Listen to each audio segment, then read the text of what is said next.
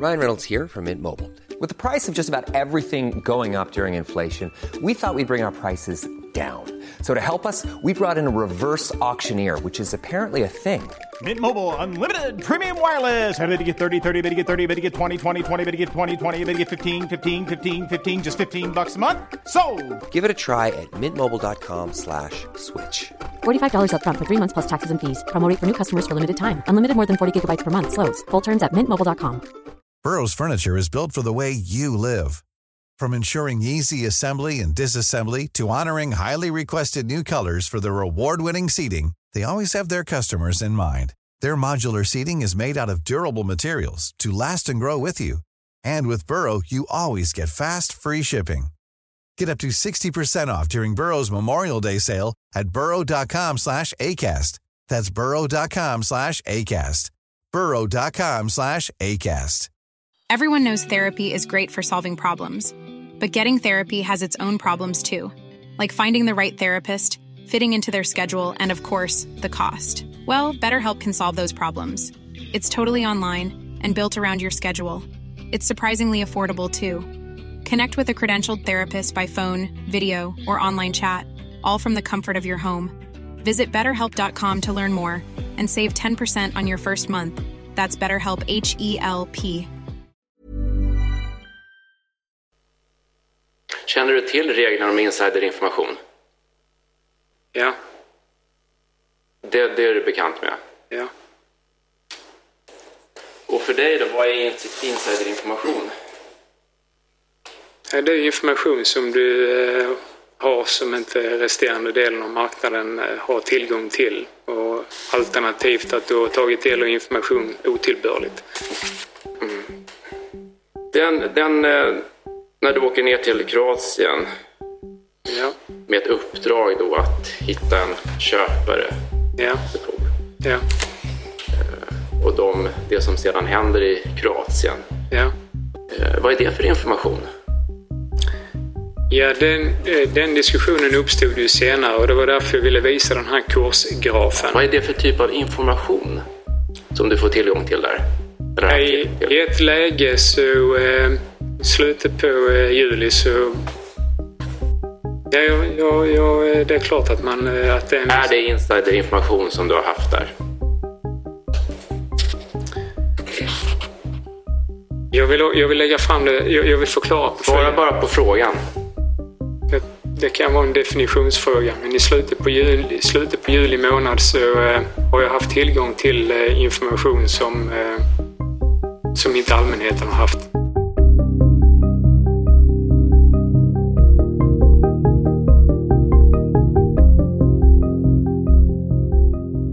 Sefor Wine and Beverage Partihandel AB, kort och gott Sefor, är ett bolag vars affärsidé är att producera, sälja och distribuera vin som tappats upp på specialdesignade och drickfärdiga engångsförpackningar av plast, så kallade Easy Wine Glass. 2011 börsnoteras Sefor på den auktoriserade marknadsplatsen Aktietorget.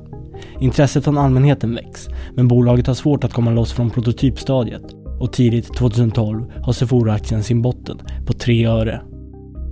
Men året är på, under sommaren 2013, nås allmänheten av en rad lovordande pressmeddelanden och aktien stiger i höjden till en topp på 34 öre. I samma veva förs 60 miljoner aktier över i skymundan av styrelseordförandet i bolaget och kort därefter häktas tre personer misstänkta för grovt svindleri samt grovt insiderbrott. Två typer av brott som ofta är väldigt svåra att dömas för. Något som de åtalade, vars namn är Mats Krönlein, Dejan Shabaker och Stelios Sikontalas, kanske hade med i beräkningarna då de utförde brotten. Du lyssnar på Rättegångspodden om Sefor-härvan. Jag heter Nils Bergman och ni kommer att få höra mer än vanligt av min röst då detta fall är något mer komplicerat och kräver fler sammanfattningar. Först ut hör vi då en av de åtalade, Mats Krönlein, berätta om sitt engagemang i bolaget Sefor Wine and Beverage.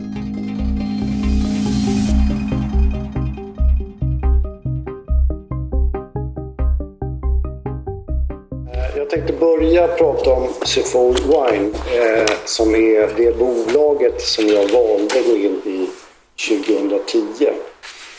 Eh, anledningen till det var att, att, när jag stötte på den här, som då var en pappersprodukt och en, en idé, så tyckte jag att det här kan man inte släppa. Det var för bra för att inte gå vidare med. Och varför tyckte jag det? Jo, därför att man hade skissat på en plan där man hade en, en tillverkning av ett plastglas som kunde förslutas och, och fyllas med valfri dryck. Eh, han som var foundern hade valt att gå in framförallt på vin. Och I det läget är de i, eh, i princip i konkurs. De har inga pengar kvar. Foundern letar finansiering för att förverkliga hans dröm. Eh, I det läget bestämmer jag mig att gå vidare och investera i bolaget och få en överlägset den största majoriteten i bolaget. Jag tror jag har nästan 94 procent av rösterna i bolaget. Eh, I det läget eh, har vi en avsiktsförklaring att göra det här till en, en global produkt att sälja på världsmarknaden. Det ska vara industriellt och vi vill bygga ett industriellt skal. Eh, vi har ingen fabrik, eh, vi har ingenting. I det läget så eh, bestämmer vi oss för att sätta oss i Åhus. Stellius har kontakter med en maskinleverantör som heter Alfa Maskin. Där vi tillsammans med Stellius åker ner för att då ta fram den första prototypen på den här maskinlinan. Stellius ser till också det läget, eh, som jag värdesätter väldigt högt, att han får en finansieringsplan på den här maskinlinan som är väldigt dyr. Men eh, han ser till att vi får ett, ett bra pris i och med att det är första prototypen i världen. Samtidigt så eh, ska vi försöka finansiera upp det här eh, innan vi ska då också notera bolaget 2011. Vi behöver få in mer kapital.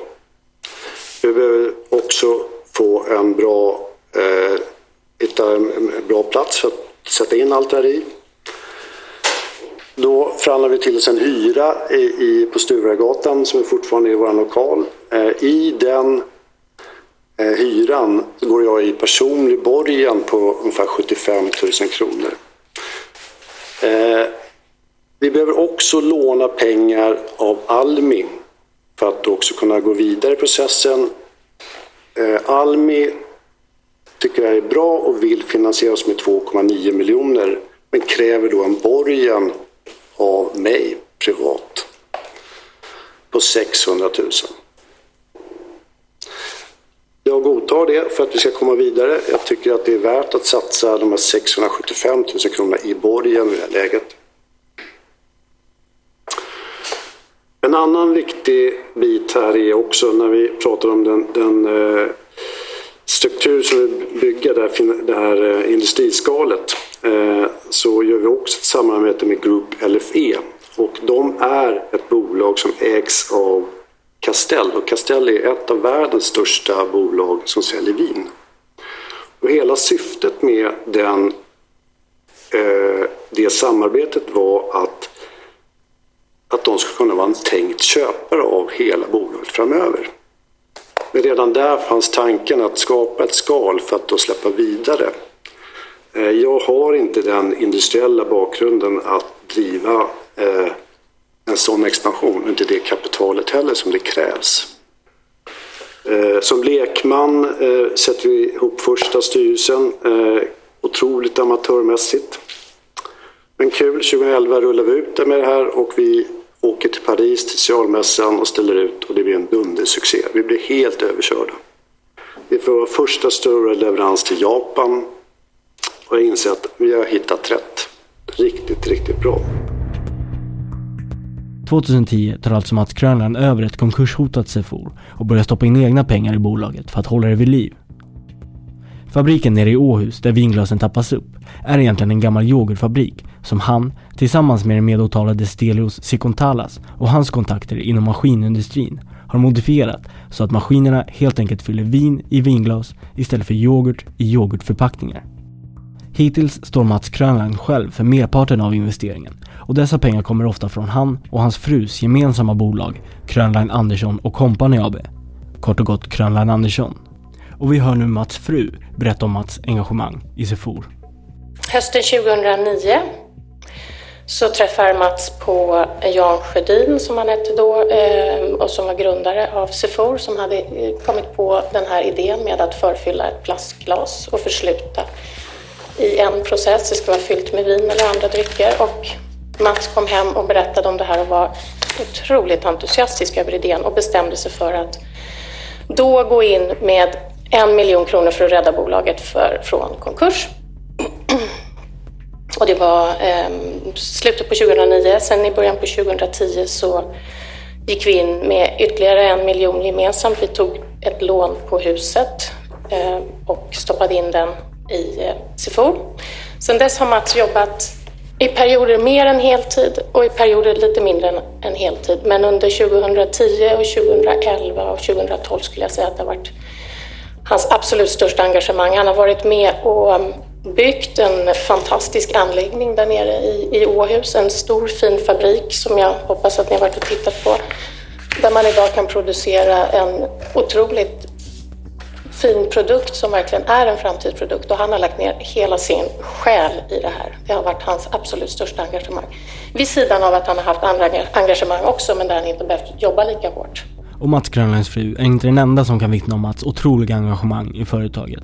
Utan även Sefors VD, Mikael Bergholtz, som Mats anställde som VD år 2012, berättar även han om hur mån Mats var över företaget. Eh, Mats var ju den person som, eh, som eh, realiserade företaget och eh, var ju den som gjorde att, att vi, vi hade en produkt att, att sälja.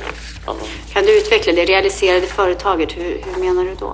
Ja, framförallt eh, pengamässigt för att eh, det krävs en ganska rejäl investering. Och, eh, ja, jag kom in eh, någonstans mellan eh, prototypstadiet och eh, när, när vi hade en, en fullskalig industri på plats. Och eh, den, den satsningen från eh, pengamässigt eh, gjordes av Mats. Mats har angett att det är drygt 12 miljoner som Krönar Andersson har satsat i Isefor. Kan det stämma? Har du någon uppfattning om det? Ja, det stämmer säkerligen. Plus eh, en hel del tid som säkert inte är inräknat i det. Okej. Hur mycket tid la Mats ner ungefär på Sefor? Har du någon uppfattning om det? Det var väl nästan mer eller mindre en heltid. Mm. Tog han någon betalt för sin tid? Eh, inte vad jag vet, nej. Så det var helt enkelt oavlönat arbete i Sefor för Mats sida? Ja, absolut. Mm. Och även de personer i styrelsen som Mats handplockat på grund av att de mer eller mindre är kändisar vittnar även de om Mats engagemang. Mats är jätteengagerad i Sefor, i min uppfattning. Vet du om han tar betalt för sitt arbete? I det tror jag inte. Vet du hur det är med finansiering? Om Krönan Andersson har finansierat Sefor? Lånat in pengar? Eh, jag kan inte svara på om det är Krönan Andersson, men, men, eh, men, men, men Mats har ju varit med och finansierat Sefor. Största del i min uppfattning. Det var ju problem med att likviditeten mm. hela, hela tiden för det behövdes göra investeringar i, eh, i maskinen i Åhus och eh, det var problem att få igång försäljningen ordentligt och få igång produktiviteten. Mm. Eh, så att eh, det var ju eh, tuff, tuff kamp för bolaget under, under rätt många år. Varken vdn eller personerna i styrelsen är misstänkta för någon brottslighet utan är kallade till rätten som vittnen.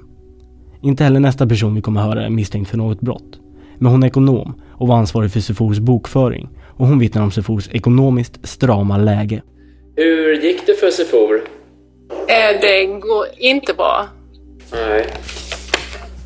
Och eh, har det varit så under längre tid? Ja. Hur stora förluster har det varit? Eh, vi kan räkna ungefär 850 000 i månaden. Mm. Vet du vad omsättningen var 2012? Nej, jag kan inte säga det nu riktigt. Men jag vet ju vad den var nu sista halvåret. Ja, och hur var det då? då? Alltså omsättningen var ungefär 300, eller 3 miljoner. Mm. finansiella läget, det är väldigt ansträngt finansiellt läge i bolaget. Och vi hör nu ekonomikonsulten Peter Hellqvist som senare i utvecklingen av denna historia anlitas av marknadsplatsen Aktietorget för att undersöka Sefors ekonomi då Aktietorget vid det tillfället har börjat fatta misstankar om att saker inte står rätt till med Sefor. Eh, man har eh, byggt upp ganska avsevärda leverantörsskulder som man har svårt att betala och man behöver på kort sikt tillförs kapital. Man behöver på längre sikt också tillförs kapital för bolaget. Man behöver ungefär ett likviditetstillskott på i storleksordningen en halv miljon i månaden för att, för att klara om man tittar på framåt hur det rullar på. Och dessutom ett akut, behövde man ett akut tillskott på en, en och en halv miljon bara för att det mest akuta förfallen. Så att finansiella situationen var väldigt ansträngd i bolaget. Ekonomin i Sefor är alltså väldigt ansträngd och bolaget har hittills aldrig gått med vinst.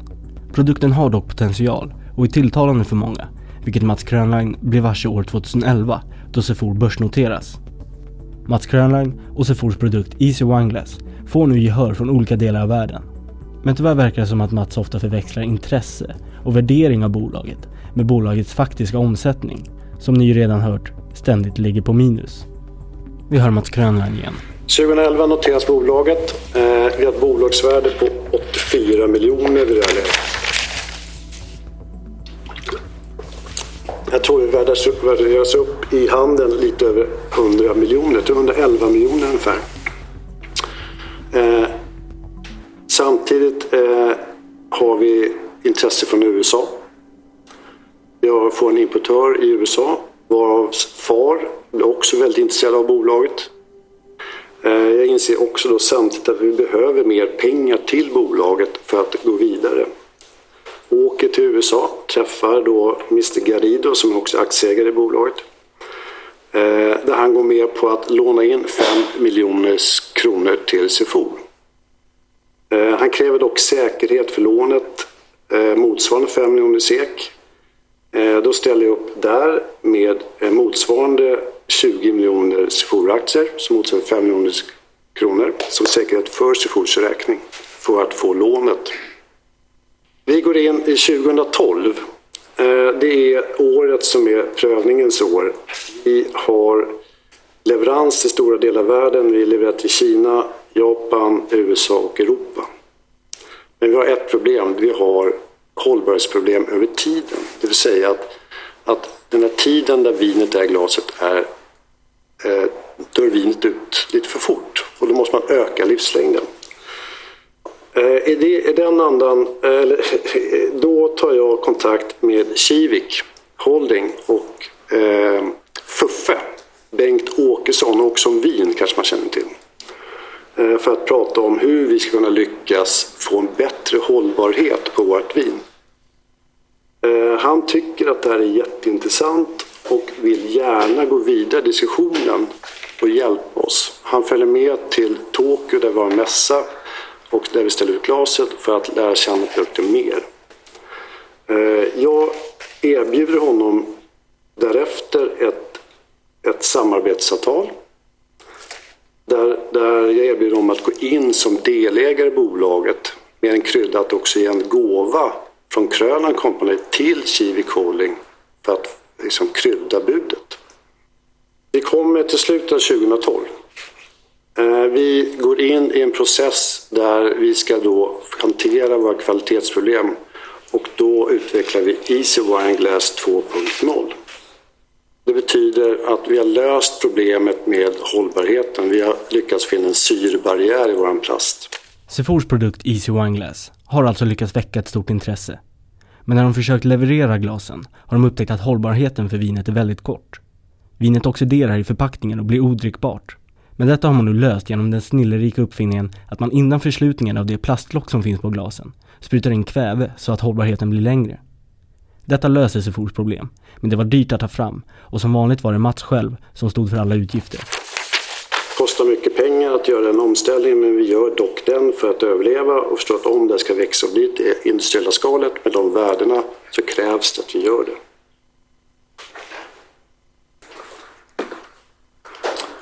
Vi stannar där. Jag tänkte backa tillbaks till... Jag ska summera det som jag sagt om Sefor. Eh, borgen ungefär 900 000. Jag har gett också lån, lånat in blankolån. Eh, jag försöker belöna personal med 5 miljoner aktier. Jag ställer säkerhet för Sifors lån. Eh, och jag ger nyckelpersoner också förmånliga villkor att köpa aktier i bolaget. Allt för att gynna bolaget. Som ni hör så fullkomligt strösslar Mats pengar omkring sig så fort det rör sig for. Allt för att gynna bolaget. Det ni nyss hörde var inte första gången han inför rätten uttrycker sitt otroliga engagemang och hängivenhet inför bolaget. Utan han gör det vid ett flertal tillfällen. Kanske tydligast den här gången, då han även blir väldigt känslosam. Mitt engagemang i Sefor, i de timmar jag lagt under fyra års tid,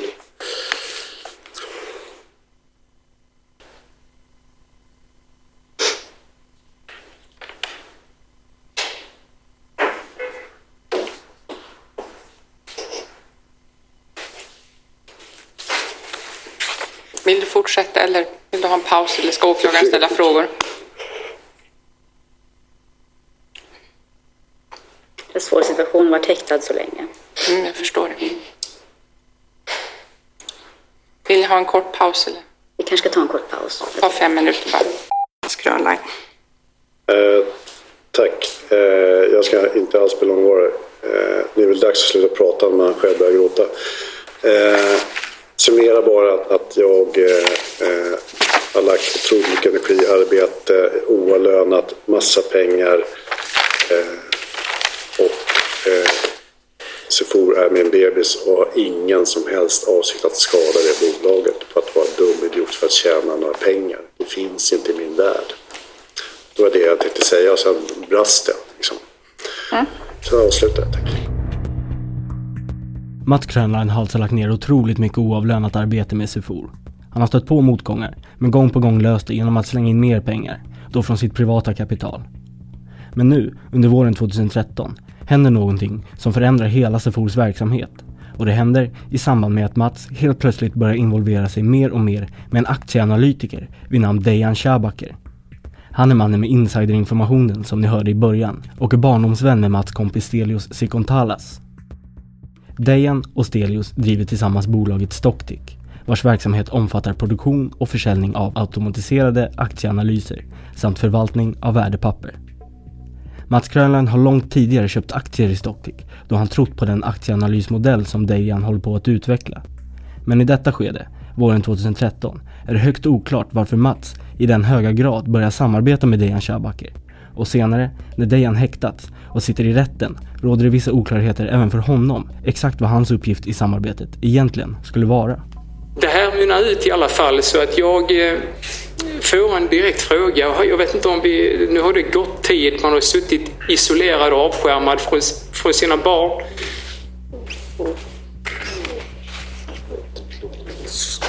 Och även Krönlein, så att jag vet inte om det är våra bilder som skiljer sig åt eller vad från det här händelseförloppet. Men jag vill minnas att den, mitten på maj månad så kommer Krönlein till mig och frågar om jag kan hjälpa honom att bygga värden i CFO.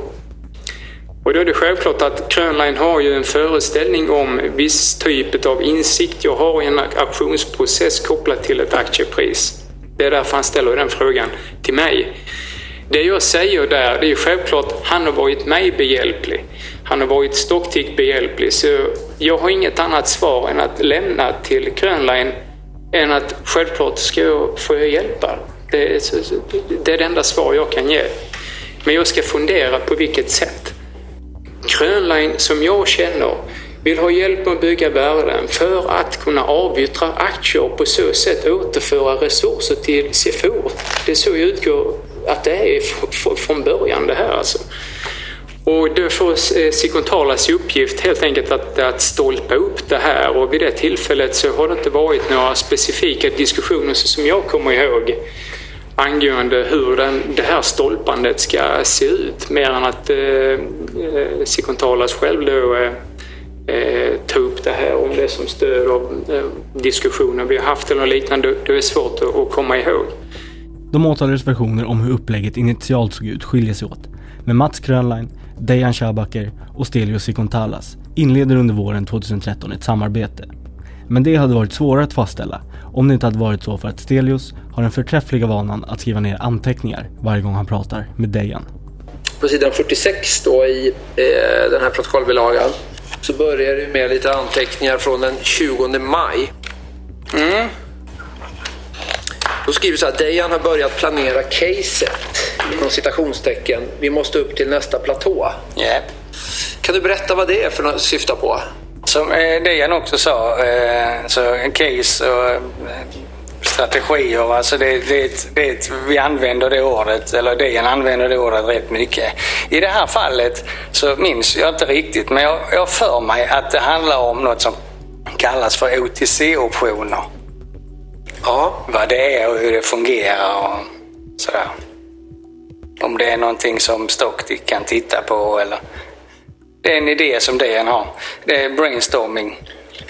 Så står det sen då, ta tillfället i akt och dra in en jävla massa pengar nu när vi har möjligheten. Vi når delmål av egen kraft. Allt kommer att göra oss stora. Vad menas med det då? Ja, det eh, vet jag inte. Förmodligen det det står. Det kanske klarar för när man läser ett sammanhang, en kontext är ofta bra när man ser hela. För när man fortsätter att läsa så här, tror du Mats backar? Frågar Dejan. Då verkar det som att det här rör ju Mats på något sätt också. Så som jag läser det. Ja, jag kommer inte... Utan någon förklaring. Nej, i det fallet så vet jag inte vad det skulle vara faktiskt. Ja. Och så står det inte olagligt, gråzon. Ja. Punkt, punkt.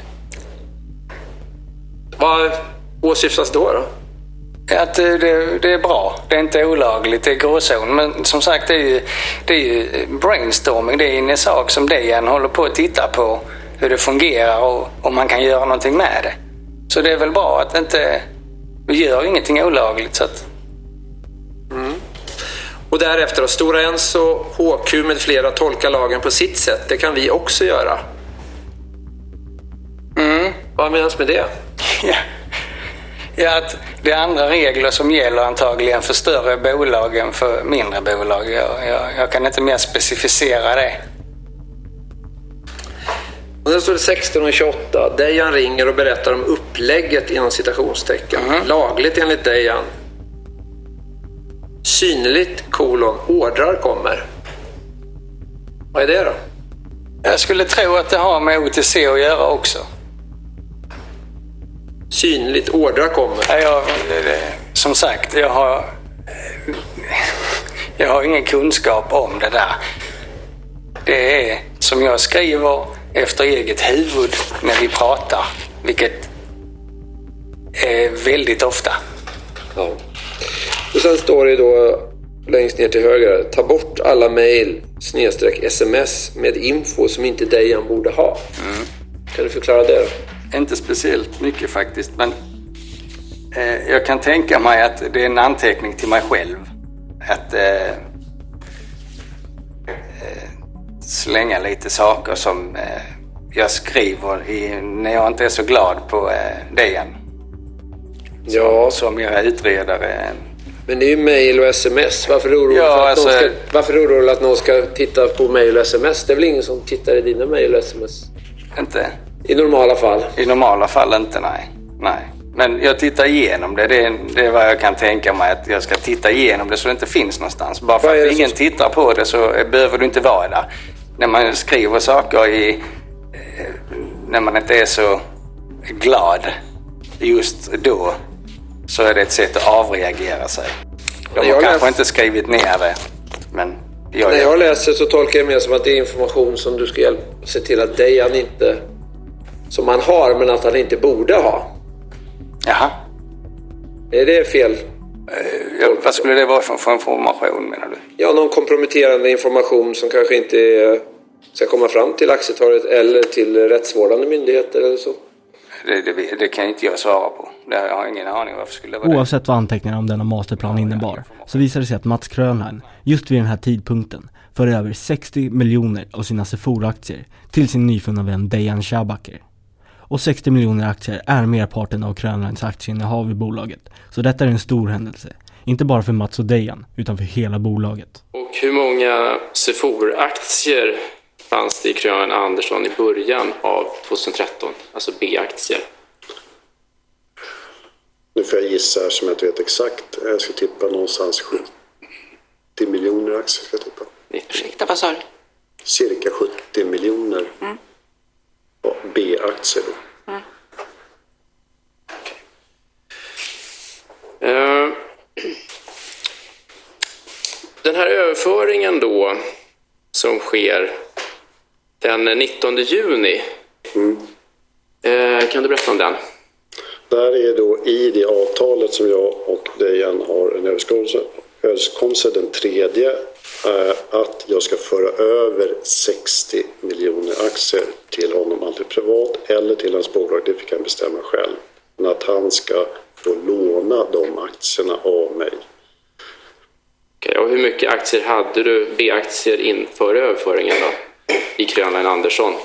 Innan? Ja. Eh, då har det gjorts en nyemission också eh, efter det. Så jag har ef- efter den överföringen cirka 38 miljoner aktier. Men kan man säga att du har, gjort, du har fört över en stor del av ditt innehav? Eh, av, av kapitalet ja, men inte av rösterna. Men tar du ett, ett initiativ själv för att informera någon om den här överföringen? Nej, det gör jag inte. Varför inte? Därför jag tror inte att man behöver informera om ett aktielån. Styrelsen till exempel? Är det inte aktuellt att informera styrelsen? Ja, min uppfattning var att jag inte borde informera om, mina, om ett aktielån. Kunde det inte varit av intresse för styrelsen? Eh, jag ser inte det. Du ser inte det? Nej. Du har ju varit li- lite inne på det tidigare, men den här frågan om att ett, ett eventuellt eh, köp eh, av intressenter på Balkan. Eh, när kom det upp första gången? Första gången jag hör det, det är eh, samtal från början, antingen 19 eller den 22 juli. 19 eller 22 juli? Ja.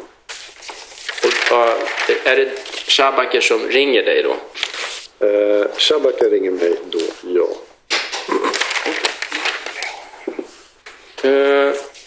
Och är det riktigt, ja, eller jag frågar, vet du när han åkte till Kroatien? Tionde eller någonstans, tolfte. Tolfte tror jag, tolfte. Så när han åker till Kroatien, då finns det ingen fråga om något, någon eventuell köpare? Nej, det, nej, inte vad jag har någon kunskap om det. Nej. Och eh, varför, vilket uppdrag har Shabaker när han åker till Kroatien då, när det gäller Sefor? Han har ett uppdrag att, att sälja in produkten på eh, länderna i Balkan. Mats hävdar att överföringen av dessa 60 miljoner Sephora-aktier till Dejan är ett så kallat aktielån och motiverar för sig själv att ett lån inte är nödvändigt att informera aktietorget om. Trots att han har läst aktietorgets avtal där det klart och tydligt står att även ett så kallat aktielån ska redovisas offentligt så att även marknaden kan ta del av den informationen. Men aktietorget nås aldrig av någon sådan information och därav inte marknaden heller. I detta läge passar det Mats väldigt bra då det såklart inte skulle se så bra ut ifall styrelseordförandet för bolaget plötsligt gör sig av med merparten av sina aktier, oavsett om det gäller ett lån eller ej. Men 60 miljoner aktier är nu i alla fall överförda till Dejans konto och i samband med det verkar dessutom Sefor få vind i seglen då ett uppköp av bolaget blir aktuellt. Det är nämligen uppseendeväckande hur bra Dejan lyckas med uppdraget att sälja in Sefor till länderna i Balkan. För bara efter ett par dagar i Kroatien hittar han vad han påstår vara en stor industriell aktör inom vinbranschen som är intresserad av ett eventuellt uppköp av Sefor. Mats och Dejan har mycket telefonkontakt under dessa dagar. Men med de andra, som faktiskt är delaktiga i företaget, såsom de i styrelsen och revisorn, som man kan tänka också vill veta denna enormt positiva nyhet. Till dem skickar Mats ut ett enkelt mass-sms där han kort och gott säger att ett uppköp är på gång. Eh, Då fick jag ett sms av Mats. Som gick till hela styrelsen. Och, eh, och eh, som jag förstod det så eh, var det tvungen att det bolaget var hemligt då det var ett stort börsnoterat bolag. Eh, och för att inte liksom driva kursen i det bolaget eller liksom vara kurspåverkande på något sätt så ville de vara, vara, vara hemliga. Så att, jag fick aldrig reda på vad det var för ett eh, bolag. I fallet nu det här under sommaren så, så var vi inte informerade mer än så tillvida att det stod i det här smset som vi fick den 28 att Mm. en due diligence skulle börja och att eh, marknaden skulle informeras. Visste du vad det här rörde sig om? Att det, det var... Man kommer stoppa handeln. Eller ja, det står ju så i smset. Eh, och i mitten på nästa vecka då ett, bolag, ett bud på bolaget börjar närma sig. Visste du vad, det handlade om? Eh, nej, jag visste inte vad det handlade om. Men eh, Nej. det är klart att det var ju en väldigt positiv nyhet om... Mm. Eh, sedan kommer det då att eh, det, man har framräknat ett fair pris men det kommer troligtvis inte landa under 45 öre per aktie. Hade du någon uppfattning om den nivån på aktiepriset? Ehm, nej, jag kan inte säga att jag hade någon uppfattning om det mer än att det var ju länge sedan som Sefors aktie handlades på den nivån. Så att ehm, det lät ju som en, med tanke på vad aktien hade varit det sista halvåret så lät det ju som en fantastiskt hög nivå. En hög nivå? Ja, så fattar jag det i alla fall. Det hela verkar vara så pass positivt att det faktiskt är en så kallad due diligence på gång. Här ofta kallad DD, vilket är en djupgående undersökning av bolagets räkenskaper som ofta utförs av andra bolag som är intresserade av att köpa bolaget. Vi hör Sefors revisor. Eh, samtidigt så fick jag information om att det skulle genomföras eh, en eh, kontroll av bolagets räkenskaper eh, från det utländska bolaget. Och det skulle, man skulle titta på Sefors eh, räkenskaper. Ja, Mm. Skulle du vara inblandad i det? ja, jag skulle ta fram underlag. Och eh, fick ni veta någonting mer om det här budet? Mm, nej. Nej. Eh, Vi fick, vi, vi, alltså vi fick den informationen som gick ut med pressmeddelandet. Ja. Och vad hette då den här eventuella köparen? Ingen aning. Ja. Och det som är mest anmärkningsvärt under den här processen är att ingen, vare sig styrelsemedlemmar eller revisorn, får reda på namnet på det bolag som är intresserade av uppköpet. Inte ens VDn får den informationen. Och vad var det för information du fick? I princip att, eh, att det finns en intressent i, i Balkan som är intresserad av våra produkter och sälja dem och att de eventuellt även tittar på ett uppköp av hela företaget. Mm. Och du säger det var en vecka före pressmeddelandet. Så Ja, ja, ja drygt. Vilket press... Menar du det den som... Ja, det som gick ut den 29 juli. Det pressmeddelande som det refereras till är en central punkt i det händelseförlopp som nu satts igång och som slutligen leder till att Mats, Dejan och Stelios häktas. För till skillnad mot informationen om aktielånet är Mats nu väldigt mån om att informationen om det rådande uppköpet ska nå ut till marknaden. Så han och Dejan knåpar ihop ett pressmeddelande som de mejlar till Aktietorget så att Aktietorget i sin tur kan publicera det på sin hemsida. En sida som många aktiespekulanter följer. Det kommer att skrivas och publiceras fler pressmeddelanden med tiden, men i detta första meddelande står det följande. Kroatiskt industribolag förbereder bud på Sefor Wine. Sefor har under en tid fört samtal med en intressent avseende ett uppköp av hela Sefor. Intressenten är ett kroatiskt industribolag som är mycket intresserade av att integrera Sefors förpackningslösning i sin verksamhet. Det kroatiska bolaget ser ett uppköp av Sefor som en möjlighet att uppnå synergier och få tillgång till Sefors upparbetade globala försäljningskanaler för att själva med sina egna viner nå en global marknad. Det som har diskuterats är att budet ska ligga i nivån 40-45 öre, vilket motsvarar en bolagsvärdering om cirka 170-195 miljoner svenska kronor. Detta ger en budpremie från dagens sista betalkurs på cirka 100%. Det formella due diligence-arbetet är preliminärt planerat till första veckan i augusti. Den indikativa budnivån om 40-45 öre är förankrad hos de två huvudaktieägarna i Sefor, Krönland Andersson Company AB samt Capillum Holding AB. Huvudägarna ställer sig positiva till budnivån och tycker att det är en rimlig värdering i det läget som Sefor nu befinner sig i. Handeln i aktien kommer att återupptas idag klockan 09.00. Mer information från styrelsen kommer inom kort.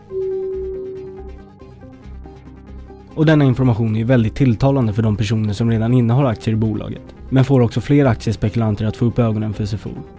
Intresset för Sefor ökar helt enkelt oerhört snabbt och så även värdet på aktien. Vi hör nu en av alla dem som vid detta tillfälle valde att investera sina pengar i Sefor. Du ska ju höras i din egenskap av aktieägare. Ja. Och eh, i det här fallet så gäller det ju ett bolag som heter Sefor. Kan du berätta lite om, eh, ja, om, om det innehavet? Eh, det innehavet köpte jag, eh, ska vi se exakt vilken dag det var här, det var den 30 juli eh, i samband med nyheterna där om, om eh, att det var ett bud på gång på bolaget. Då gick jag in och köpte aktier i bolaget. Mm. Och eh, den här nyheten, eh, kan du berätta lite om hur du uppfattade det? Den? Eh, jag uppfattade det som att det var en affär ganska nä- när, närstående. Det var min första anblick där, liksom att eh, ett utomstående bolag ville, ville köpa eh, Sefor där för, för ett högre pris än vad den aktuella kursen var då den dagen. Eh, vilket gjorde att jag tyckte att det verkade vara en, ett bra, en bra affär att köpa aktier i Sefor. Varför trodde du att en affär var nära? Eh, jag fick den, den eh, känslan av informationen där att, eh, att ett bolag, det kroatiska bolaget skulle köpa Sefor och att det var eh, due diligence förhandlingar eh, på gång redan då i början på augusti där. Trodde du att den här informationen var, var korrekt, att den var riktig? Ja, jag utgår från att, att alla, alla pressmeddelanden som släpps på börsen är korrekta liksom, så då tog jag för givet att det skulle vara eh, rätt kommunikation. Och eh, hur många aktier köpte du? Eh, jag köpte 100, ska vi se, jag köpte aktier i två olika omgångar, men den första, den första omgången köpte jag 180 000 aktier. Minns du vad, vad kursen låg på då? Den låg på eh, dryga 30 öre. Denna person är såklart bara en utav många som efter pressmeddelandet valde att investera pengar i Sefor. Och eftersom det kommer råda stora kontroverser kring informationen i pressmeddelandet så behöver nu åklagaren ställa dig till svars angående hans uppfattning av meddelandet. Ja, pressmeddelandet på sidan 55 i huvudprotokollet. Eh, då är det först, eh, jag kanske ska fråga då, det här pressmeddelandet. Ja. Eh, jag är inne på lite på det, men innehållet i pressmeddelandet, alltså var kommer det ifrån? Hur har ni fått fram det? Ja, så eh, vi har ju pratat på telefon naturligtvis och ef- eh, i enlighet med den diskussion vi har haft på telefon så har Grönline sammanfattat det här, skickat det till mig för eh, respons. Eh, jag har eh, bidragit med ett... eh. Ryan Reynolds here from Mint Mobile. With the price of just about everything going up during inflation, we thought we'd bring our prices down. So to help us, we brought in a reverse auctioneer, which is apparently a thing. Mint Mobile unlimited premium wireless. Ready to get 30, 30, bit to get 30, bit to get 20, 20, 20, bit to get 20, 20, bit to get 15, 15, 15, 15 just 15 bucks a month. So, Give it a try at mintmobile.com slash switch. $45 upfront for three months plus taxes and fees. Promo rate for new customers for limited time. Unlimited more than 40 gigabytes per month. Slows. Full terms at mintmobile.com. There's never been a faster or easier way to start your weight loss journey than with PlushCare. PlushCare accepts most insurance plans and gives you online access to board-certified physicians who can prescribe FDA-approved weight loss medications like Wigovi and Zepbound for those who qualify. Take charge of your health and speak with a board-certified physician about a weight loss plan that's right for you. Get started today at plushcare.com slash weight loss. That's plushcare.com slash weight loss. plushcare.com slash weight loss. Everyone knows therapy is great for solving problems, but getting therapy has its own problems too, like finding the right therapist, fitting into their schedule, and of course, the cost. Well, BetterHelp can solve those problems. It's totally online and built around your schedule. It's surprisingly affordable too. Connect with a credentialed therapist by phone, video, or online chat, all from the comfort of your home. Visit betterhelp.com to learn more and save 10% on your first month. That's BetterHelp, H E L P. Ja, eh, och det jag gjorde det var att jag på telefon bidrog då med eh, eh det kroatiska bolaget uppköp CFO som en möjlighet att uppnå synergi och få tillgång till CFOs upparbetade globala försäljningskanaler för att själva med sina egna viner nå en global marknad. Det stycket låg jag till eh, i samtal som vi hade på telefon. Det övriga är, är då sådant som jag har rapporterat och sådant som Krönland själv upplevt eh, var en sanning kan, så vitt jag förstår. Kroatiskt industribolag förbereder bud på Sefor Wine. Ja. Eh, när jag läser det så tror jag att det finns ett kroatiskt industribolag som förbereder ett bud. Ja. Hur var det egentligen vid den här tiden? Jag måste återigen säga, det är precis som jag tidigare förklarade om Ishban. För mig, i mina ögon, så är han en industriell aktör. Han kan inte vara någonting annat än en, en, än en aktör. Ett kroatiskt industribolag är Isban Renato. För mig är det så. En privatperson. Som inte hade agerat som en privatperson utan via ett bolag som hade varit hans. Hur tror du marknaden uppfattar det här? När det står ett kroatiskt industribolag och inte en privatperson? Ja, han har ju inte... Jag kan inte tänka mig att han har tänkt sig att eventuellt köpa Sefor som en privatperson. Så att för mig har det varit synonymt med att han agerar via ett bolag. Jo, men Just hur ska marknaden uppfatta det här?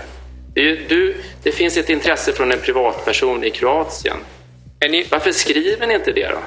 Så här i efterhand förstår jag att man kunde ha skrivit just den delen annorlunda. Du kunde skrivit en indokratisk industriell aktör ja, du kunde, ha, du kunde ha skrivit vad som är sant. Det är, det, jag tolkade det som att det var Ishban Renato via bolag som tillhör hans moderbolag, koncernstruktur eller vad det nu än var som skulle lägga bud på Sefor.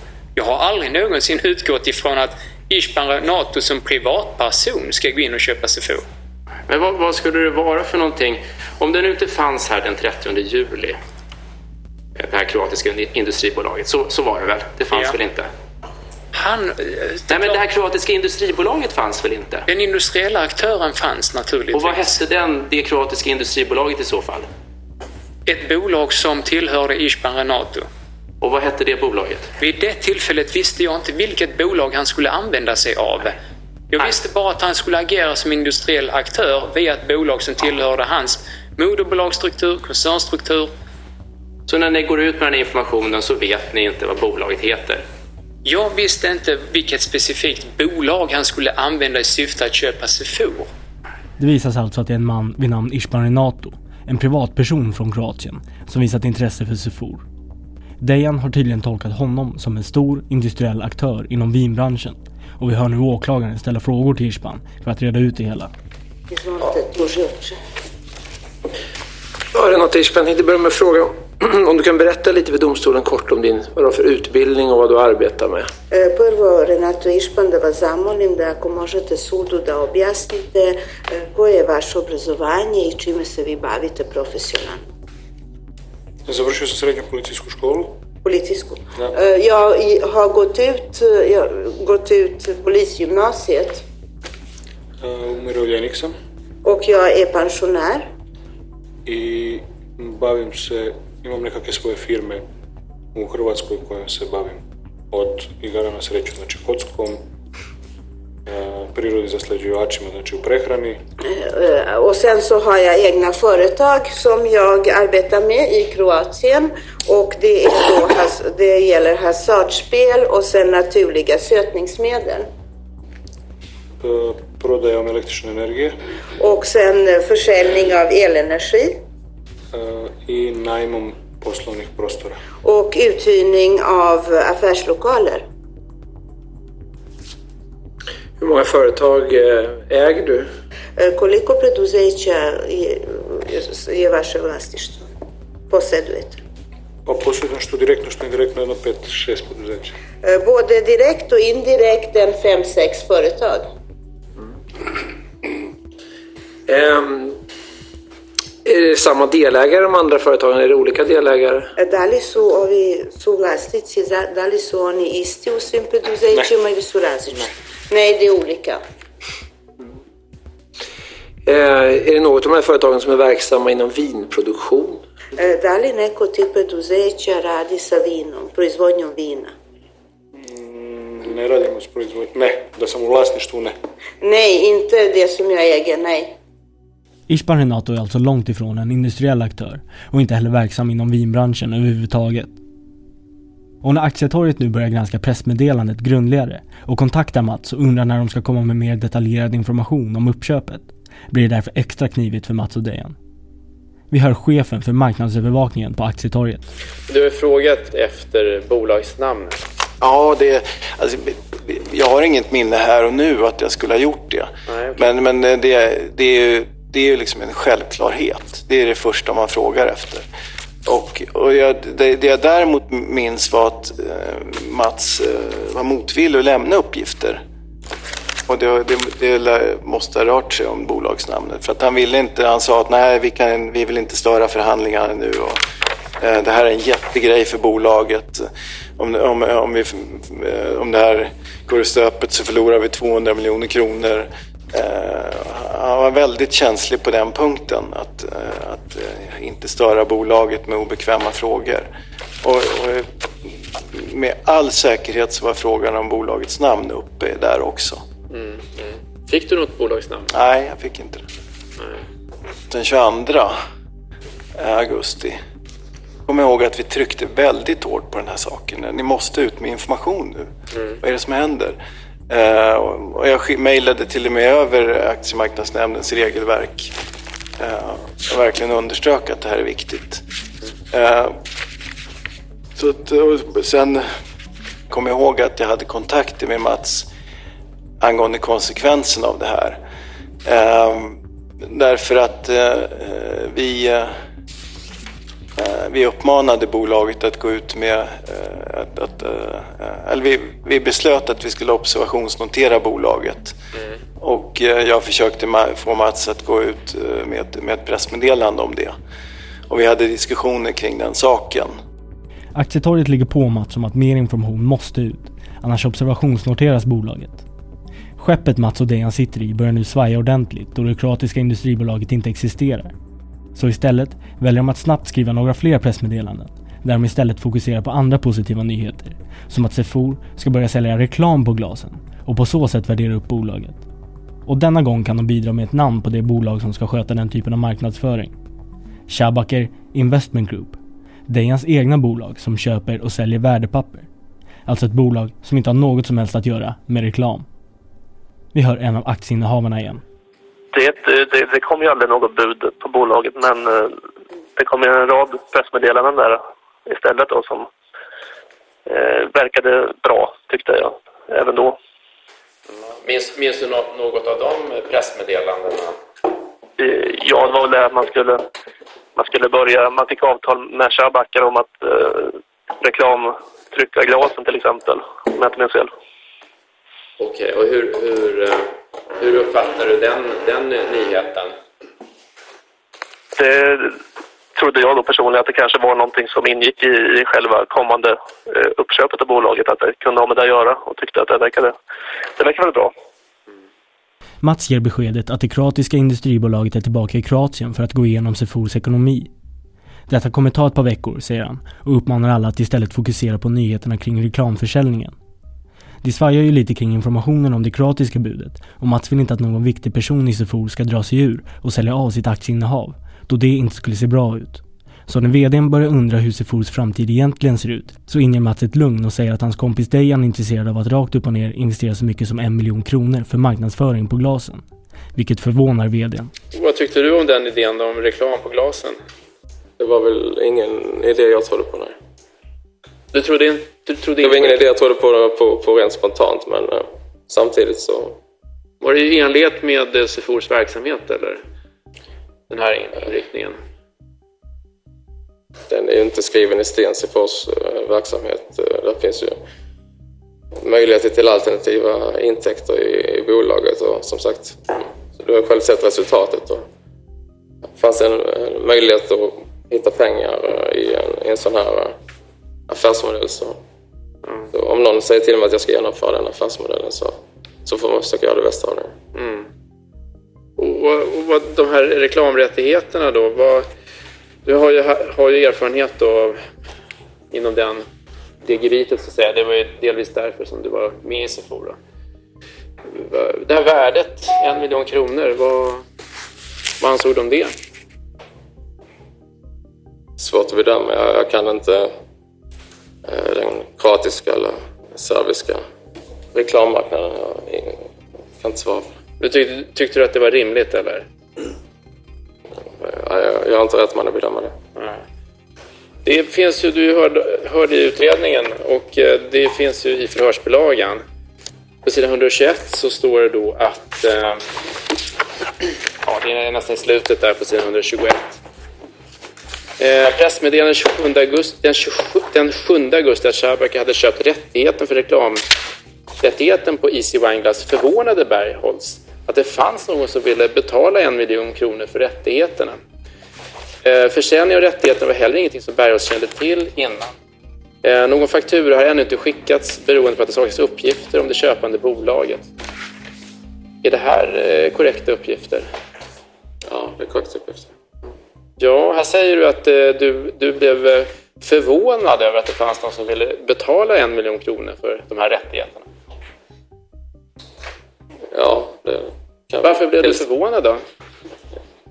Ja, man blir förvånad om man inte förväntar sig något. Jag hade inte förväntat, förväntat mig att vi skulle få in en miljon i rent täckningsbidrag för att sälja reklam på vinglas på Balkan. Okay. Det är inte konstigt att det förvånar vdn, då Mats under den senaste tiden tycks ha varit mer upptagen kring försäljningen av bolaget istället för försäljningen av deras produkt. För Sefor säljer vid den här tiden knappt några glas överhuvudtaget. Och för att få fart på den försäljningen igen så lockar Mats sina oroliga medarbetare med att de inte bara ska börja med reklamintäkter på glasen, utan de ska nu fylla vinglasen med annat innehåll än bara vin. Vi har tidigare talat om ett pressmeddelande där det står att eh, Sefor även ska fylla det här glaset med icke-alkohol, icke-alkoholhaltiga drycker. Ja. Kom du ihåg om ni tidigare haft uppe den diskussionen om att fylla glaset med annat än, än vin? Jag vet att det nämndes av eh, förra vdn eh, att vi eventuellt skulle titta på lösningar med vattenjuice. Alltså de tekniska möjligheterna finns ju. Mm. har, har, ni, har ni talat om att sälja produkter till exempel till arabländer? Ja, det har vi gjort. Vi har offererat eh, mangojuice i vinglasen. Just det. Och då tänker jag att det är ju en icke alkoholhaltig dryck. Ja, ja absolut. Ja. Och, eh, en del av de idéerna tittar vi faktiskt på i nuläget. Just det. Så om jag då tolkar dig rätt så har det varit tal om både alkoholhaltiga drycker och icke alkoholhaltiga drycker? Ja, och eh, som det ser ut just idag nu efter det här skeendet så är det faktiskt också en, en eh, möjlighet vi tittar på. Mm. Klara? Just det. Eh, annat innehåll i glasen då. Eh, kanske vatten eller juice eller något sånt. Mm. Ehm, och krä, det krävdes en omställning av produktionen då? För att fylla vatten? Ja. Nej, samma process? Nej, det är samma process i princip. Ja. Okej, och för juice är det samma där? Ja, fast ja, det kan man säga. Det kan man säga. Så det... Ja. Mm. Och hur snabbt skulle man kunna komma igång med det här då, i så fall? Eh, det är svårt att säga. Jag, jag har aldrig köpt eh, juice för bulk tidigare, så jag, jag kan inte svara på det. Nej. Men var det några, gjordes det några åtgärder för att genomföra det här eller? Uh, nej, vi, vi, har testat en del att fylla vatten. Men var, var, det, har, det, har, inte tagits något beslut på att vi skulle fylla.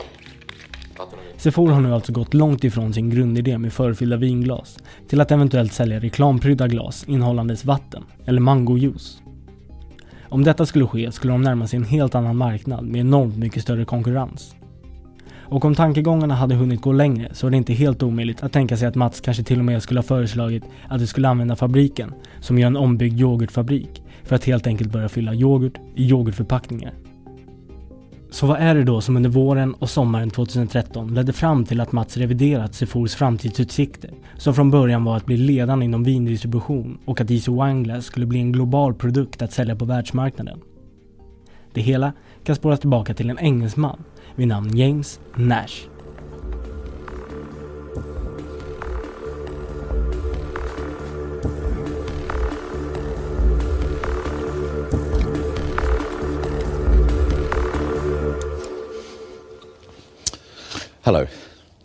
Name's James Nash. I'm the Managing Director of Wine Innovations Limited, and I'm here today to ask the Dragons for £250,000 for 25% of my company. I've been working in the outdoor events arena for some time.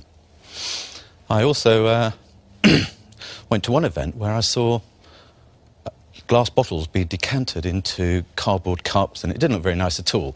So I thought that's horrible. If I could uh, come up with a good idea that enable people to pour wine or take wine in a goblet ready to serve, it's got to be the ideal way. So that's exactly what I did. I went out and I designed wine goblet.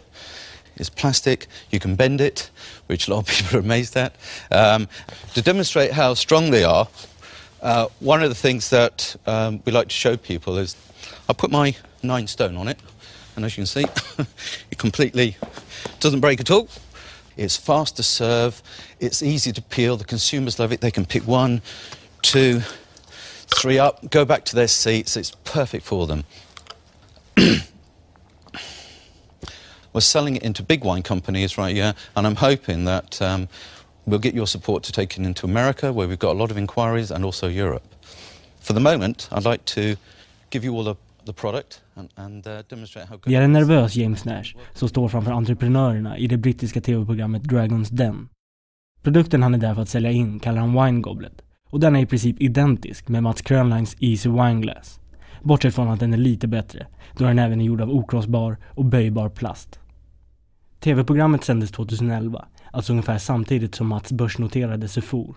Och med tanke på Mats otroliga engagemang i Sefor vid den tiden känns det otänkbart att han inte känt till att denna konkurrent existerar. Men för Mats spelar det just då kanske inte så stor roll, för det hela står och faller på vem som innehar patentet. Och då inte på själva glaset, utan på den process där kväve sprutas in i glaset innan förslutning för att öka vinets livslängd. Som ni minns så använder sig Mats av den processen för sitt glas. Men det är egentligen James Nash som kommit på den. Men år 2011, då James Nash försöker sälja in sitt glas, innehar han inte patentet. Men han har sökt för det. James, come on. This is this is the plastic glass. Yep. You didn't invent the plastic glass. No, not at all. Okay, it's going to be filled with wine. You didn't invent the wine. You don't run the wine. No, that's right. It's going to have a seal on the top. You Yep. didn't invent the seal because there's loads of things that have Yep. got seals on the top. Absolutely. So what what have you got to? Why can't a wine seller make his own glass, put it in, and put a top on it? Well, I think that, that there's nothing to stop them except that I've got there first. I've got a patent which protects the process of doing it. The process of putting the top on on this, the Yeah, sealed and- top. Well, no, no, it's, it's making sure that we we get rid of the oxygen and put an inert gas in it, so we get a 12-month shelf life. James. Yep. Is it a patent that you've applied for, or is it a patent that you've actually yes we've applied been for granted? patent. No, it's, a, it's an applied for patent, so we've got uh, 12, 12 to 18 months before it's granted, if there's no objections. And when did you apply? Uh, not long ago, we had to wait till the machine was built, and it was only about three weeks ago. I've never had that one before. Well, before the, you proce- could apply for the the process of getting the glass through the filling machine. You could have applied for the patent for the machine before you started manufacturing the machine. Well, we had to get the we had to understand the way that the glass was accepted to the to the machine. You don't understand it before you started making the machine. Well, basically, I've it's brand new. It's a brand new technology. It's brand new to me. So we've actually, you know, it's a little bit of, um, you know, we're a brand new company. James is faltering. Det går ingen vidare för James Nash i Dragons Den och de så kallade drakarna ratar hans idé. Troligtvis kände även Mats till att James Nash och hans produkt existerade. Men eftersom inget patent på kväveprocessen fanns var det ju fritt fram för vem som helst att använda sig av det. Vilket Mats gör till sin produkt. Men plötsligt händer det alltså. I slutet av februari år 2013 beviljas James Nash sitt patent och den uppfinning tillhör nu honom och enbart honom. Och det är exakt vid den här tidpunkten som Mats släpper taget om Sefor och plötsligt vänder sig till aktieexperten Dejan Shabake. Men när frågan om patentproblematiken kommer upp i rätten råder det olika versioner om hur och när detta uppdagades. Och Dejan hävdar att han först fick reda på James Nash och hans patent i slutet av augusti. Alltså efter att hela härvan dragit igång. I alla fall det som sedan händer vidare den dagen, det är att jag, Krönlein, jag kommer inte ihåg något Sikon talas också, men i alla fall jag, Krönlein, går in till Mikael Bergholtz rum, hans kontor. på hans kontor så ser jag ett annat glas. Ett annat glas än det glas Sefor producerar. Jag tar det glaset och det är av hårdplast. Jag frågar Mikael då, vad, vad, det här, vad, vad är detta för glas? Är det något annat glas ni ska producera? Så säger han att nej, det är vår konkurrent i England som tillverkar det här glaset. Det är första gången jag hör att det finns någon konkurrent till det Defoe höll på med. Och då frågar jag, vad är det för konkurrent? Och då berättar eh, vad heter han, Mikael då, om en individ som heter James Nash och som hade en verksamhet som hette Wine Innovations och som hade varit på den brittiska versionen av eh, Dragons Den. Eller det finns väl bara den brittiska, jag vet inte. Och då blev jag extremt konfunderad i sammanhanget och tänkte jag, ja men då är ju inte det här så unikt som jag trodde. Hur producerar han sin, sin, sina glas? Och då berättade Mikael till mig att ja, han lägger ut det här på Lego. Du sa, alltså, han har inte ens en egen produktionslinje. Nej, det har han inte, utan han lägger ut det här på Lego. Och då tänkte jag bara, men varför, varför har ni en produktionslinje? Om man bara kan lägga ut det på en lego och det kanske blir en kostnad på 1,50 per glas utöver vad det annars kostar en egen produktionslinje. Och då får jag ju klart svar att det, det är på grund av att eh, CFO då har en annan typ av flexibilitet, kan möta en efterfrågan på ett annat sätt om man kontrollerar sin produktion. Vilket i och för sig det finns rim och reson kring. Men jag ser också att glaset är förslutet på samma sätt som CFOs glas. Och då tänkte jag bara, hur kan det vara förslutet på samma sätt? Och då säger Mikael till mig att den här James Nash har sökt patent på, inte överhuvudtaget eh, som är omnämnt här tidigare kopplat till själva produktionslinjen och alfamaskinerna. Det som är omnämnt i styrelseprotokollet den 21 januari och den 23 femte. För det berör alfamaskiner och själva produktionslinjens patenträttigheter. Det här hade direkt att göra med själva förslutningen av glasen med kväve. Och det var väsentligt viktigt att det kunde ske på det sättet för att kunna förlänga hållbarheten i vinet. För om inte det hade kunnat ske så hade man tagit bort en stor del av sin marknadspotential i Amerika och Asien. Och då säger Mikael att han har sökt patent på det här men han har aldrig fått något patent och det tror jag även Krönlein säger. Och då frågar jag bara hur kan ni vara så säkra på det? Ja, men det går inte att få patent på det. det. Det säger de båda två till mig vid det tillfället. Ja, men så frågar jag, men hur vet ni att det är så? Nej, men det går. Ja, men ni vet ju inte, säger jag. Och sen börjar vi, alla tre börjar då leta på internet. Och vi hoppar omkring, jag vet inte, vi hoppar omkring olika länkar, tar oss till Australien, jag vet inte var vi än hoppar. Till slut så kommer vi till en sida eh, eh, som eh, avser patenträttigheter. Och där står mycket riktigt om en James Nash Wine Innovations. Så det Mikael gör, Bergholtz, han kommer ju också höras, det är bara att ställa den frågan. Det han gör är att han tar fram sitt kreditkort, betalar för den här patentrapporten så att han får ner den elektroniskt den 14.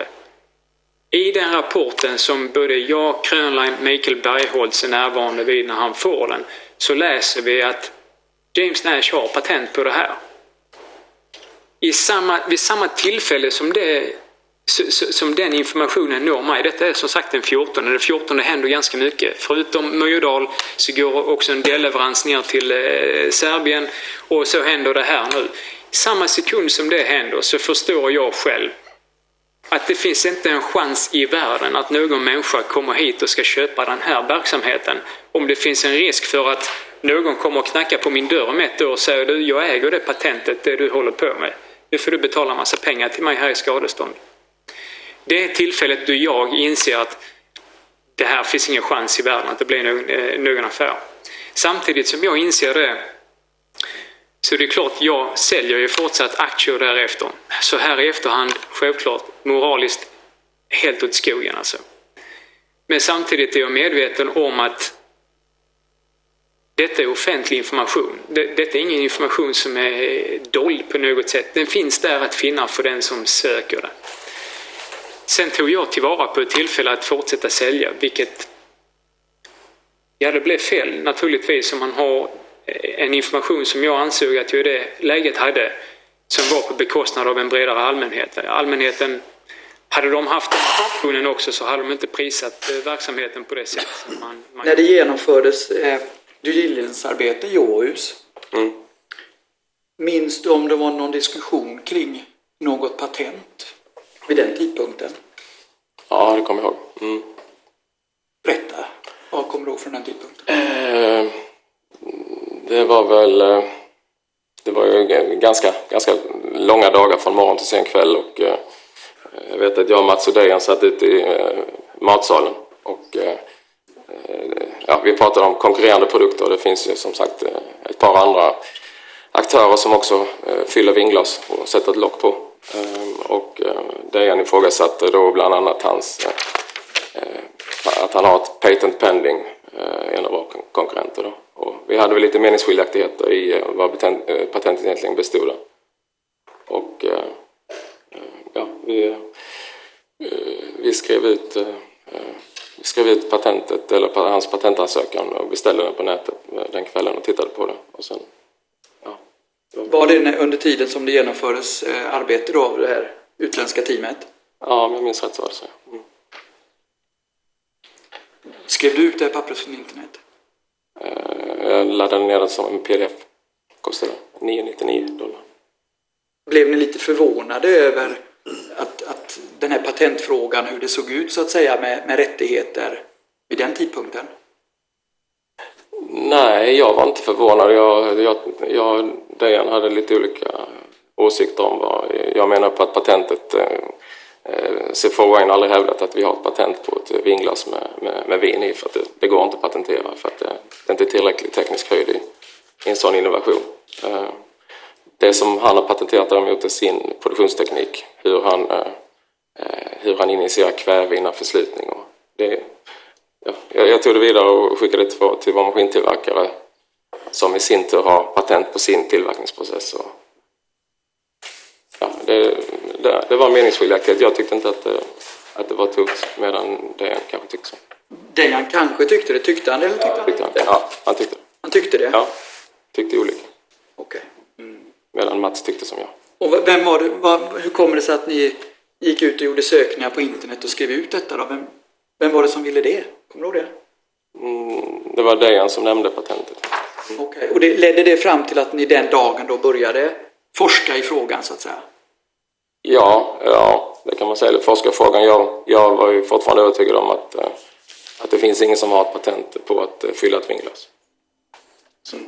Och detta händer och sker den 14 augusti i samband med DD-arbetet, är det så? Ja, om det är 13 eller 14 det minns jag inte. Okay. Ja, tack. Och hur, alltså hur avslutades den här eh, processen då? Från, från Sefors sida? Ja, du kan, för att den, den, eh, det blev ju inget. Nej, efter DDn så var det tyst. Eh, efter första delen så var det tyst att de skulle åka hem och analysera det materialet som de hade fått eller tagit till sig. Eh, eh, I den vevan så blev det också en diskussion kring patent. Och samtidigt då, då blir det, nu blir det lite mer information, men samtidigt så växer ju hela den här eh, plattformen med reklamfinansierade glaset fram som, som en väldigt stark bit i... Har det någonting att göra med? Ja, men det har, det har att göra med varför vi vill avsluta processen. Därför vi ligger i... Vi har gett dem all information. Eh, de ska eh, se över den här med patentbiten som du varit inne själv på. Eh, vi vill fortsätta koncentrera oss på den kärnverksamheten, det vill säga sälja glas och utveckla nya affärsområdet med eh, reklamfinansierade glas. Och därav så, så klipper vi bandet, eh, vi gör in, jag meddelar inte dem direkt via mail eller något annat utan vi gör det via vår informationstjänst på Aktietorget och på GXG i, i, i London. Så du tog ingen kontakt med eh, bolaget? Nej. Okej, okay, det... Ja. Varför gjorde du inte det då? Det låter för mig som lekman låter det naturligt att man tar kontakt med motparten. Eh, jag valde i det här läget att eh, göra det på det här sättet. Eh, det finns inget som tyder på att Mats Krönvall hade något annat än ärliga intentioner när han till en början engagerade sig i Sefor. Han trodde innerligt på idén och närde drömmar om att Easy Wineglass skulle bli en global produkt och att han skulle tjäna in alla pengar han har investerat i bolaget. För Mats var initialt välbärgad, men de 12 miljoner han stoppade in i Sefor under tre års tid var ändå väldigt mycket. När han plötsligt nås av det otänkbara, att en kufisk engelsman vid namn James Nash fått sitt patent beviljat på den process som är helt avgörande för att Sefor ska kunna bli en global produkt, är det troligt att tänka sig att Mats värld raseras. All investering och allt oavlönat arbete har gått förlorat och han vänder sig då till Dejan och Stelios och tillsammans börjar de bearbeta en så kallad masterplan över hur de genom förfalskade pressmeddelanden ska kunna bluffa sig till pengar via aktiemarknaden. För att det hela ska se rätt ut hittar de en kroat, bjuder honom på en resa till Sverige och åker ut med honom till Åhus där de bjuder på något glas vin och visar upp sina maskiner. Men ingen riktig due diligence utförs och inga avtal skrivs då kroaten egentligen inte är intresserad av något uppköp. Och under den här tiden, då aktien står som högst i kurs, börjar Dejan sälja av det så kallade aktielånet han har fått av Mats. Vi hör en av aktiehandlarna igen. Och eh, försökte du få kontakt med bolaget för att få mer information? Eh, ja, jag, skick, jag vet att jag skickade ett mejl till, till, eh, till Mats Grönlein under eh, augusti, tror jag att det var. Mm. Eh, där jag frågade om eh, jag tror att det var aktieförsäljningen jag frågade om. Jag såg att det var stora försäljningar som gjordes av en, en enskild aktör på, på marknaden. Ja. När, när, när såg du att de här försäljningarna gjordes? Eh, det såg jag under, under augusti, början på augusti där att det var att Handelsbanken stod som väldigt stor nettosäljare och, och det var väldigt stora summor aktier som såldes. Mm. Vilket, kändes, vilket då började kännas mindre bra. Vad, vad tänkte du om det? Att en stor aktör eh, sålde mycket? Ja, det, det var, började väl komma som ett första varningstecken då, liksom att någonting var, eh, var, var konstigt. Och Dejans aktieförsäljning sker inte direkt i skymundan, utan lämnar tydliga spår. Och det är så de till slut åker fast. Eftersom det rör sig om så pass stora summor, mellan 15 till 18 miljoner kronor, som plötsligt säljs från Dejans konto, så reagerar privatmarknadschefen Jonas Olsson på Handelsbanken i Helsingborg. Ja, det gäller ju en, en rapport eh, och eh, från eh, slutet av juli i år. Du vet vilken eh, rapport som det handlar om? Ja. ja. Kan du berätta lite grann om, om bakgrunden till den rapporten? Det är ju så att vi har ju vissa kontrollfunktioner av banken som vi enligt lag är skyldiga att följa och i det här fallet så det som väckte vår misstänksamhet i det här fallet var att det skedde stora, stora transaktioner på en, på en kund som, som normalt inte brukar hantera den här storleken på transaktioner och då är vi skyldiga att, att undersöka varför. Mm. Vilken kund var det?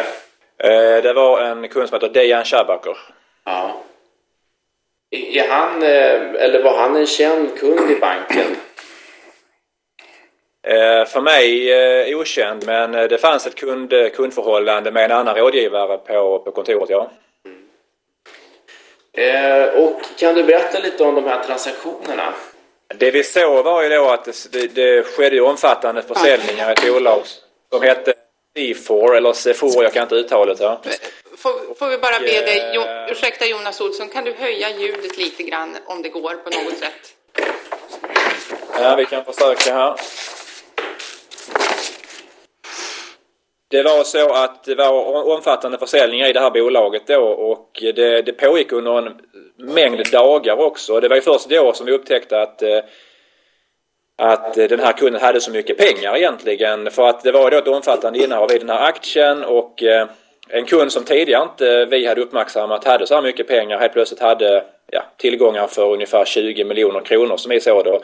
När de här transaktionerna påbörjades, det var egentligen då som den som kontrollerar listorna, alltså de här aktielistorna, eh, uppmärksammades på att eh, ja, de här transaktionerna skedde och det var inte ett normalt beteende. Och det var därför helt enkelt som vi, vi började titta på affären. Eh, den här, den här killen som prickar aktielistorna hade också insyn i att det här bolaget då att det fanns en styrelse som bestod av bland annat Mats Krönlein och han tittar tillbaka på transaktionerna som skedde på eh, eh Shabakers konto. Och ser då också att det har skett insättningar från familjen Krönlein på, på Shabakers konto.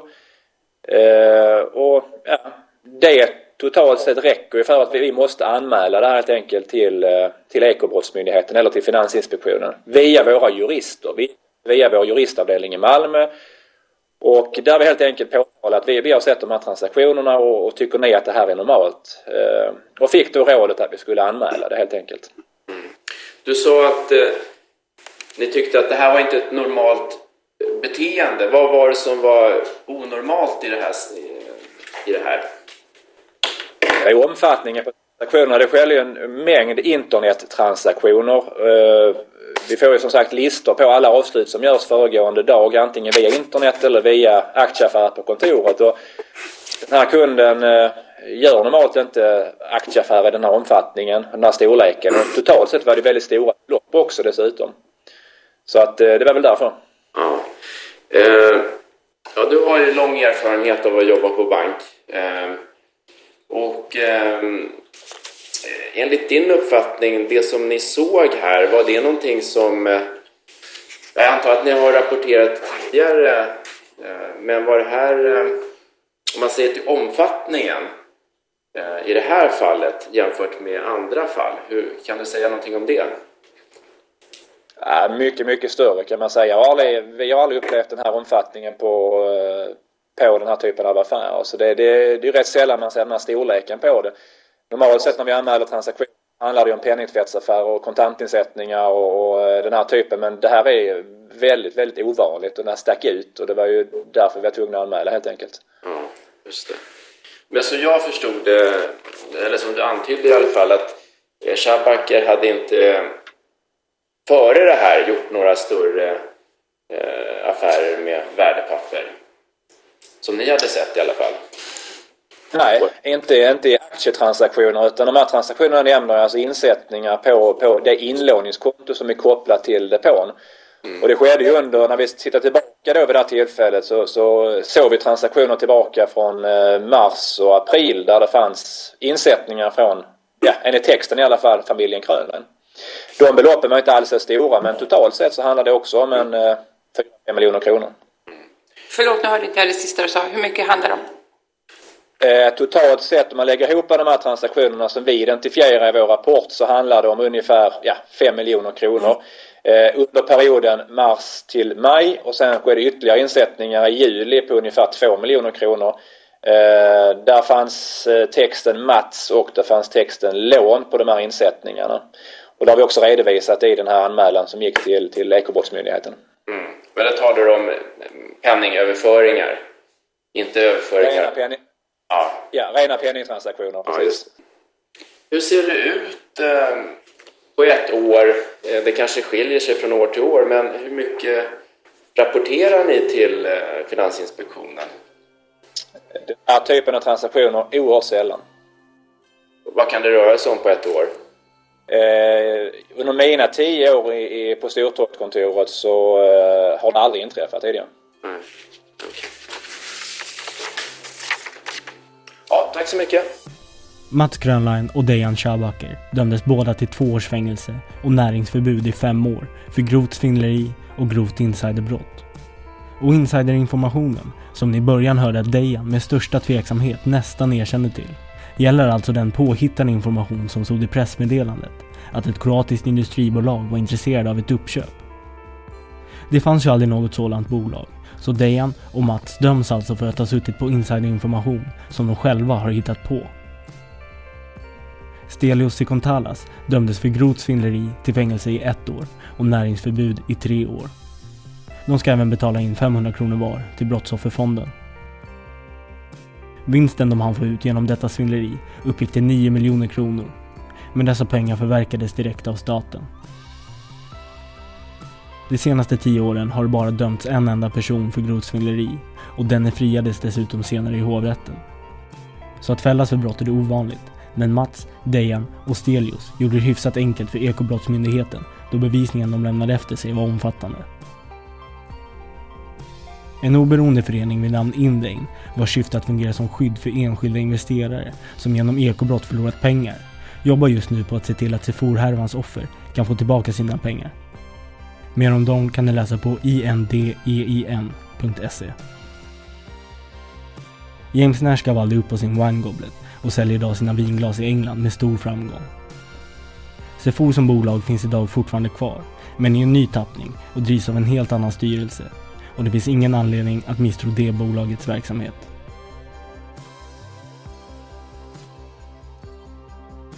Du har lyssnat på Rättegångspodden om Sefor-härvan. Jag heter Nils Bergman och har ni frågor kan du kontakta mig på Twitter, det heter Nils Bergman eller på Rättegångspodden på Facebook. Podden finns även på iTunes och på rättegångspodden.nu. Tack för att ni har lyssnat.